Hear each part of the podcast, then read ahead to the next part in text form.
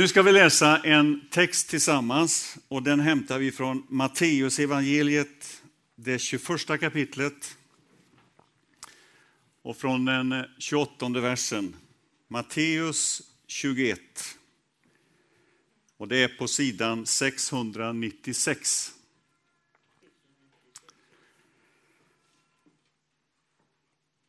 Jesus säger, vad säger ni om det här? En man hade två söner. Han vände sig till den ene och sa, min son, gå ut och arbeta i vingården idag.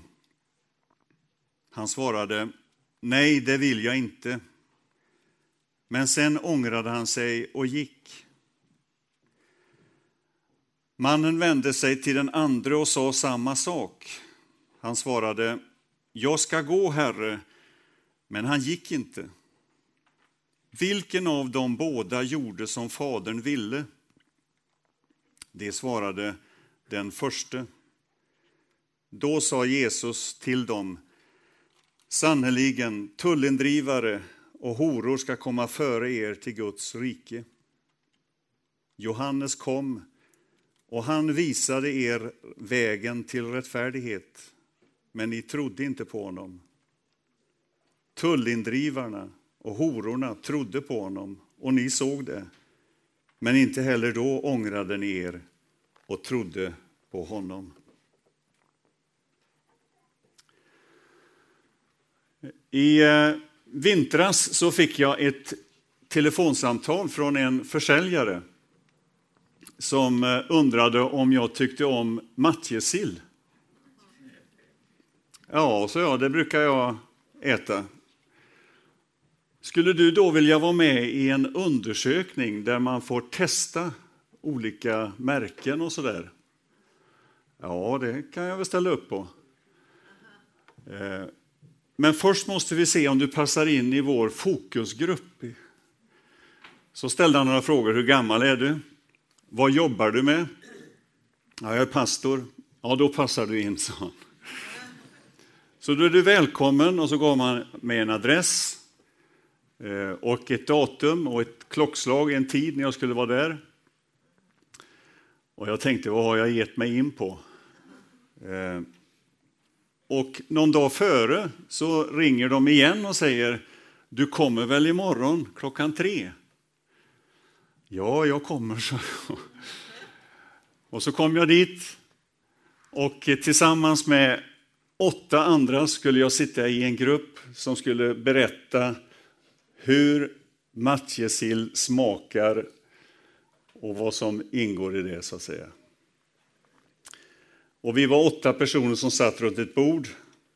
Och förresten så sa han som ringde mig att eh, allt som ni säger kommer att noteras. Ni kommer också att filmas när ni talar om det. Och eh, det kommer sen att eh, ges, resultatet av ert samtal kommer att ges till det företag som har beställt den här undersökningen. Och vi säger inte vilket. Det blev allt mer mystiskt, hela det här upplägget. Och då satt jag då i två och en halv timme tillsammans med åt, eh, sju andra och talade om matjessill. Eh, det var en intressant upplevelse som jag kan rekommendera. Eh, och frågan var, hur smakar det? Hur berättar du för någon som aldrig har smakat matjessill hur matjessill smakar? Vad säger man då? Så om ni nu går till affären och hittar en burk där det står en smak av salt och hav och lite uppkäftig, så är det jag som har sagt det. Jag vet inte om det kommer. Alltså, idag är temat tro och liv. Och Jesus ställer på något sätt i fokus två personer, två attityder. Hur ser vägen till Gud ut? Hur kommer man i kontakt med Gud? Hur smakar det? Hur ser den vägen ut? Hur ska man beskriva den vägen? Och det är klart att man får olika svar på den frågan. Och här i den här liknelsen så säger Jesus att den här liknelsen handlar egentligen om vägen till rättfärdighet, alltså vägen till Gud. Och så ges en liknelse om två personer där mannen säger till sina två söner, och lägg märke till det förresten, att han börjar med att säga min son, och han säger samma sak till den andra. Alltså han utgår ifrån på något sätt, och han riktar sig till oss alla. Att vi är, vi är skapade av Gud allihop. Vi kan ha olika uppfattningar om vägen till Gud. Vi kan ha olika synsätt på det. Men Gud älskar oss. Gud har skapat oss. Och Gud vill inget hellre än att vi ska finna vägen till honom, till gemenskap med honom. Jesus återvänder ofta till den här, eh, till den här frågeställningen i sina liknelser. Det finns ju också paralleller med den här liknelsen med en annan mycket känd liknelse, nämligen om de förlorade, den förlorade sonen. Där handlar det också om två söner. Där är det en som säger nej och ångrar sig och en som är plikttrogen men som missar hela festen. Den här första sonen han får ett erbjudande, en uppmaning att arbeta i vingården. Och då ska vi veta att vingården används ofta som en bild på Israel. Alltså på uppdraget i den här världen, att finnas som en representant för Guds rike i den här världen. Reaktionen på eh, den uppmaningen, det blev ju för den första att han sa nej. Han gick inte och arbetade i vingården. Men sen ångrade han sig och gick in och arbetade. Den andra får samma uppmaning. Min son eller min dotter, gå och arbeta i min vingård. Och hans reaktion blev, ja visst, det ska jag gärna göra. Men han gick inte. Han gjorde inte som han hade sagt. Och det är ju det som är själva poängen i den här liknelsen. Vem gjorde rätt? Vem gör Guds vilja? Vem går på den här vägen som leder till Gud? Rättfärdigheten, vägen till rättfärdigheten.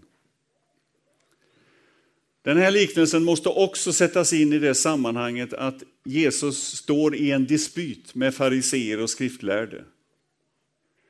Och just innan den här texten så handlar det om Jesu auktoritet. Alltså, var har han fått sin fullmakt ifrån? Att säga det han säger, att göra det han gör. Alltså hela frågan handlar om, vem är Jesus egentligen? Vad har han för rättighet att säga och göra det han gör? Och liknelsen handlar om också det faktum att vi har olika syn på Jesus. Vem är han egentligen? Detta är en av de grundläggande frågorna som vi tar upp i en alfakurs. Vem är Jesus? Anmäl dig förresten till alfakursen som startar snart. Och var står du någonstans i det här? Var står du i förhållande till Jesus? Var står du i förhållande till vägen till rättfärdighet, till Gud? Var finns du? Det finns många olika sätt att se på det. Du kanske är den som tänker så här, ja men kristen tro, det är ju som vilken religion som helst. Kristen tro är en religion. Kristen, do, kristen tro handlar om att leva rätt, att göra rätt för sig, att göra sig så att säga förtjänt utav att finna rättfärdigheten. Förtjänt utav att få komma till Gud. Det handlar om pliktuppfyllelse. Det handlar om att sköta sitt jobb, betala sin skatt, ha ett gott renommé bland arbetskamrater och grannar. Kyrkan? Nej. Och tyvärr är det ju så att många av de som står utanför kyrkan lever ofta bättre än oss som finns innanför kyrkan.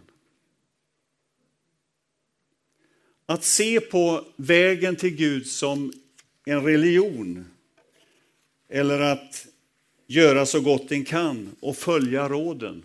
Jag tror att många befinner sig där. Och till dig skulle jag vilja säga, kom till källan. Alltså ett liv med Jesus handlar om att få ta emot hans liv i mitt liv eller i ditt liv. Att ta emot den heliga Ande, att låta sig ledas av Ande. Att användas i den här vingården, i det här arbetet, i det här uppdraget. Så som Gud har tänkt om ditt liv. Gå in i den uppgiften. Och Det finns en tröst i den här liknelsen, att det inte är för sent att göra det. Man kan komma som den första gjorde efter ett tag. Och kanske detta är ditt tillfälle just nu, att gå in i den uppgiften, i den relationen. Ett annat synsätt på kristen tro är ju att det handlar om ett evangelium. Och vad betyder evangelium? Jo, det, be det betyder goda nyheter. Alltså det är inte en religion som vilken som helst, utan det handlar om nyheter. Det handlar inte om goda råd att följa för att komma fram till Gud, till rättfärdigheten. Utan det handlar om nyheter. Att någonting har hänt i vår historia som har avgörande betydelse för mig och för dig. Något som jag måste förhålla mig till. Någonting som har skett.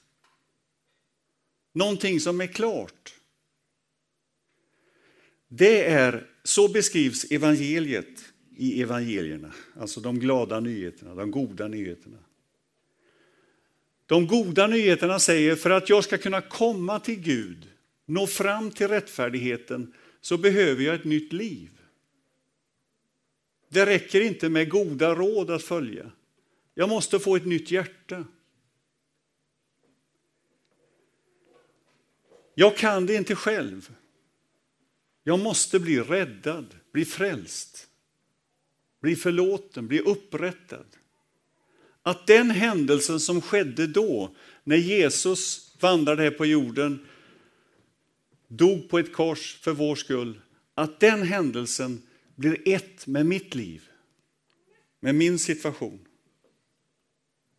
Jag kan inte göra mig förtjänt av att nå fram till Gud. Det måste få vara en gåva. Det måste få vara nåd. Det måste få vara genom tro. Och du kanske har sett den kristna tron så en gång, att du såg det på det sättet. Men idag så kärvar det på något sätt. Det går på tomgång. Och låt mig få säga till dig, som en tröst då kanske, att så har det varit för mig också.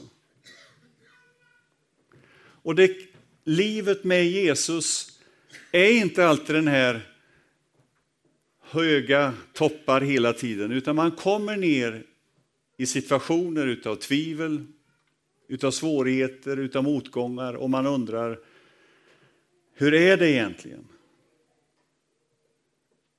Lever Jesus i mig? Har jag livet? Och så får jag vända tillbaka igen och känna, Gud, jag överlämnar mig på nytt i dina händer. Och så får vi, göra som den första gjorde, vi får komma igen. Och kanske du är här som en gång har känt att det, det brann riktigt ordentligt i ditt liv. Andens gåvor fungerade. Du kände att du hade en funktion, men har kommit ut ur den. Och då står han där igen och kallar på oss. Kom, låt mig få använda dig till tjänst i, mitt, i min vingård, i mitt uppdrag för den här världen. För båda dessa söner handlar det om en viktig sak som vi kanske inte så ofta stannar vid inför och det handlar om omvändelse. Och vad är omvändelse för någonting?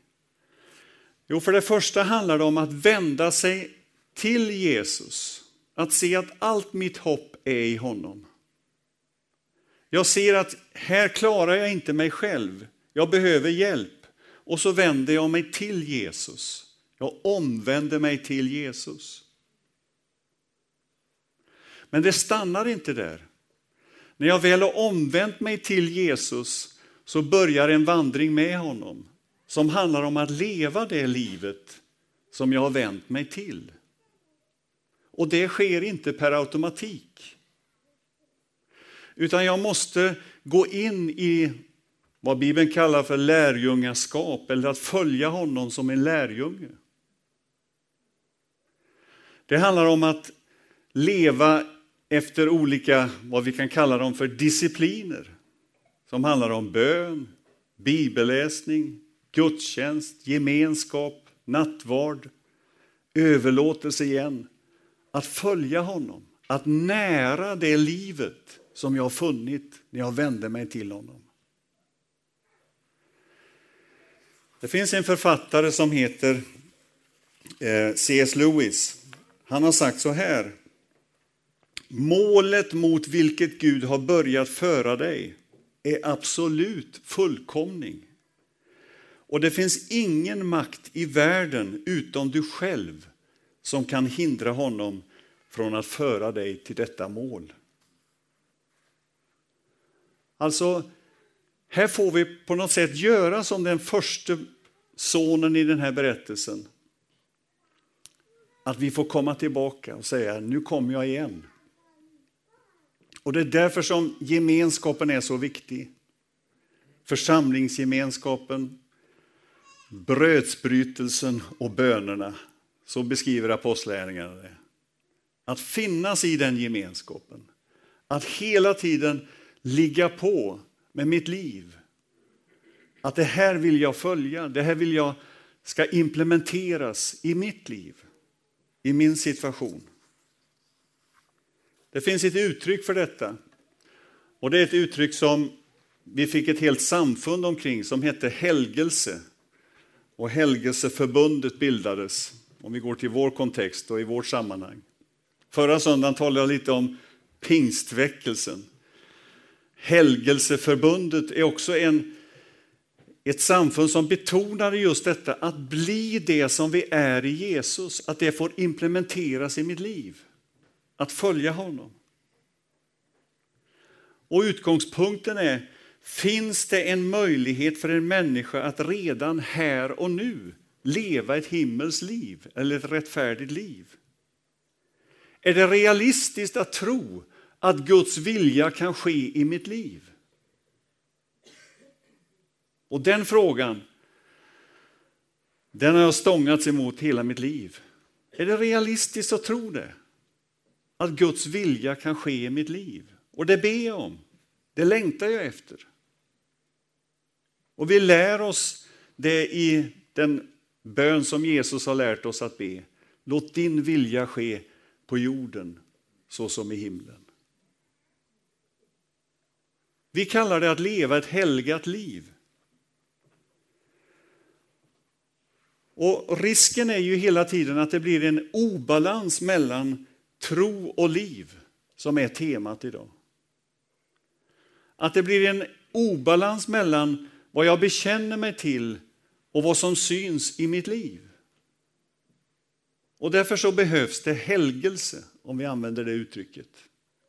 Och helgelse skulle man kunna översätta så här, att bli det vi redan är i Jesus. Att hans liv får bli synligt i mitt liv. Att hans sätt att förhålla sig till människor får prägla mitt sätt att förhålla mig till mina medmänniskor. Att hans kärlek blir synlig i mina relationer. Att hans sätt att tänka får genomsyra mitt tänkande. Och Jesus tvingar sig aldrig på oss, utan då är vi där igen. Att jag måste ge tillåtelse till det. Jag måste arbeta på det. Jag måste följa honom, gå i hans fotspår. Men det är en väldigt viktig distinktion att göra här och det är ju att jag kan aldrig genom mina gärningar så att säga nå fram till Gud. Utan Gud måste nå fram till mig först och utav det följer gärningar. Tro och liv är temat. Låt oss ta de två orden. Tro. Och jag har gett er en definition förut, men jag gör det gärna igen. För den har betytt så mycket för mig, vad tro är. Tro, det är ju tre bokstäver, T-R-O. Och någon har sagt så här att tro, det är ro bakom ett kors. Ro bakom ett kors. Så stavas ju tro. Och för mig som sjöman och fiskare, som jag har varit förut, det var inte många år, men en tid i alla fall, så, så ger det två betydelser. För det första, ro, vila bakom ett kors. Alltså det han har gjort för mig, det är tillräckligt, det är nog. I det får jag vila.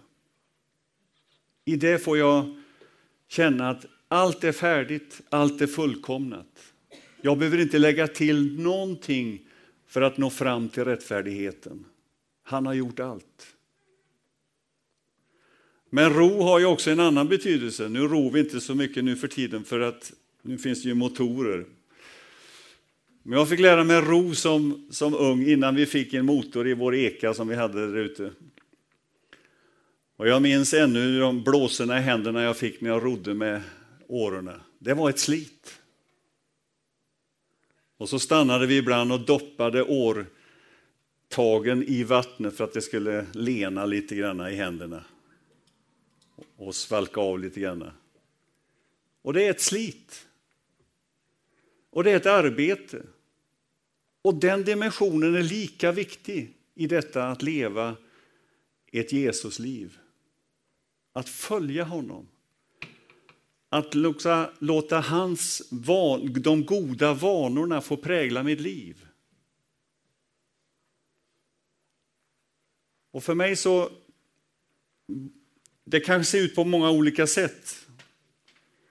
För mig så finns det inget bättre än att tidigt på morgonen, klockan sex för min del, sätta mig ner och ta min stund med Herren varje morgon. Att få lyssna in, vad vill du idag? Och man kan tycka, ja men det är ett slit, och jag kan erkänna själv, många gånger önskar jag, tänk om jag legat i sängen nu. Men det är en vana som jag vill gå in i och arbeta med. Det är också ro bakom ett kors. Det är att arbeta utifrån det som jag upplevt med honom. Jag vill nära den relationen. Jag vill följa Jesus. Och så kallar han oss att komma till honom och få del av rättfärdigheten. Och han säger vägen till rättfärdighet ser ut så här. Du får den som en gåva, en fri gåva. Men det stannar inte där. Utan den gåvan förvaltar vi genom att ro så att vi får blåsor i händerna och blåsor på knäna. Därför att vi känner att det här är så viktigt. Det här är så betydelsefullt. Det här vill jag inte missa. Det här vill jag följa med Jesus. Och så kan vi leva det livet. Och så kan vi beskriva det livet som handlar om att följa honom. Men till syvende och sist så är det ju så att jag kan aldrig beskriva hur matjessill smakar för dig, utan du måste smaka det själv. Jag kan aldrig beskriva hur Jesus är, hur tron ser ut, hur det kristna livet är, hur evangeliet smakar. Det måste du få smaka själv. Det måste du sträcka dig fram emot och ta emot. Så låt den här gudstjänsten också få bli en sån gudstjänst där vi inbjuder varandra att komma till Jesus. Och det, det gör vi, hela den här gudstjänsten är ju egentligen ett kom. Kom som du är till honom. Vi ska strax fira nattvard. Och låt mig bara få säga att kom, ta emot brödet och vinet. Du får en oblat i din hand, du kan doppa den i vinet och äta den. Men tänk då att detta handlar om att Jesus gav sitt liv för dig. Och precis som den kommer in i din mun, smälter, går in i din kropp, så kan Jesus bli ett med dig, med ditt liv. Så forma det till din bön. Vi kommer att be för varandra här vid förbönsplatsen, där du kan gå och få förbön för det som du önskar över ditt liv, dina bekymmer, din sjukdom, vi säger inte att det alltid sker ett sånt här mirakulöst under, men vi sträcker oss mot Jesus. Vi kommer till honom med allt det vi bär på. Det kommer att finnas möjlighet att skriva din bön på en lapp där vid bordet, där du kan skriva ner det du önskar att vi ska be för. Vi kommer att stå här borta med en flaska med olja och smörja dig och be en bön om välsignelse över ditt liv, över din situation där du finns. Och allt det här, det gör vi och önskar göra så att du ska få känna att Jesu hand är utsträckt emot dig och att han vill möta dig. Amen.